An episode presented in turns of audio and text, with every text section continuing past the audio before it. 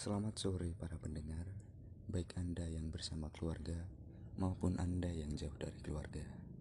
Kembali mengudara podcast Sembah Telosor. Assalamualaikum teman-teman. Gimana kabar kalian hari ini? Sehat kan? Nah, buat nemenin sore kalian hari ini, aku mau bahas sedikit tentang K-pop dan episode pertama ini juga ditujukan untuk memenuhi salah satu tugas mata kuliah psikologi komunikasi begitu. Dari teman-teman juga mungkin udah gak asing ya sama yang namanya K-pop K-pop gitu atau drama Korea Koreanya atau mungkin juga sudah mengikuti stylenya, style fashionnya begitu. Nah, dari fenomena pop culture atau K-pop ini, dari dulu sampai sekarang semakin digandrungi di seluruh dunia. Rananya sudah global gitu, bukan hanya domestik saja. Di Indonesia juga sudah banyak penggemar-penggemar Korea-Koreaan begitu. Tak terkecuali juga laki-laki dari kecintaan para penggemar terhadap idolanya ini membuat apa pun berita terbaru tentang idolanya tersebut yang disebarkan melalui media sosial akan selalu dipantau kapan pun dan di mana pun. Penggemar K-pop K-pop juga sering menghabiskan waktunya berjam-jam di depan komputer ataupun ponsel pintar yang dimilikinya. Mereka juga gak segan-segan buat join fanbase ataupun komunitas-komunitas yang ada kaitannya tentang hal-hal yang mereka sukai tentang K-pop begitu. Dan dari fenomena K-pop ini dapat menjadi kajian dari sudut pandang psikologi komunikasi. Kebetulan saya mau bahas sedikit tentang interpersonalnya.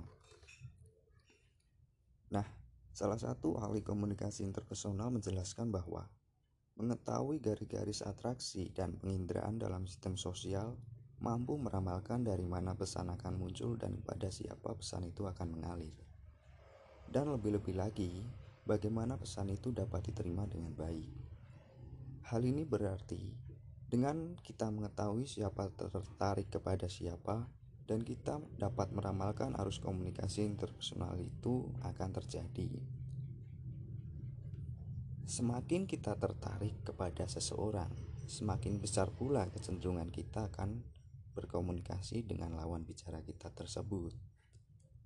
Nah, terdapat dua faktor interpersonal yang memiliki keterkaitan dengan K-pop. Salah satunya, eh salah dua ding, yang per, faktor pertama yaitu samaan karakteristik personal. Semisal kita bersumpah dengan seorang yang baru kita kenal mungkin ya melalui percakapan yang dimulai mengenai di mana ia tinggal bekerja apa belum sekolah atau kuliah. Dari situ akan berlanjut apabila kita menemukan hal-hal yang berhubungan dengan K-pop. Misalnya dilihat dari barang bawaannya atau stiker yang menempel di handphone atau softcase-nya begitu. Hal ini dapat menjadi topik pembicaraan bagi mereka. Oh, kamu suka ini ya? Begitu. Iya. Kamu juga suka ya? Iya wah sama dong. Nah begitu mungkin dari teman-teman. Dan dari awal percakapan ini akan berlanjut begitu.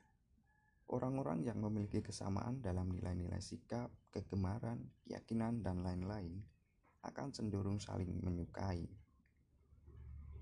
Dan juga menurut teori kognitif konsistensi kita lebih cenderung suka terhadap seseorang yang memiliki sikap yang sama dengan kita, dan begitu pula sebaliknya.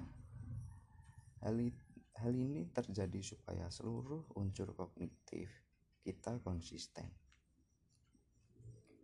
faktor yang kedua yaitu keakraban diawali dengan adanya kesamaan karakteristik maka nantinya akan berlanjut pada keakraban prinsip keakraban ini dicerminkan dalam kalimat jika kita sering berjumpa dengan seseorang kita akan lebih menyukainya. Kita ya bisa dibilang apabila teman-teman uh, lebih sering ketemu sering interaksi ada kesamaan ya sedikit kesamaan begitu mungkin teman-teman juga akan sedikit-sedikit akrab jadi semakin teman-teman sering ketemu semakin sering teman-teman juga berbicara bertukar informasi mengenai idola K-pop teman-teman atau hanya sekedar nonton drakor bareng nonton live streaming bareng gitu.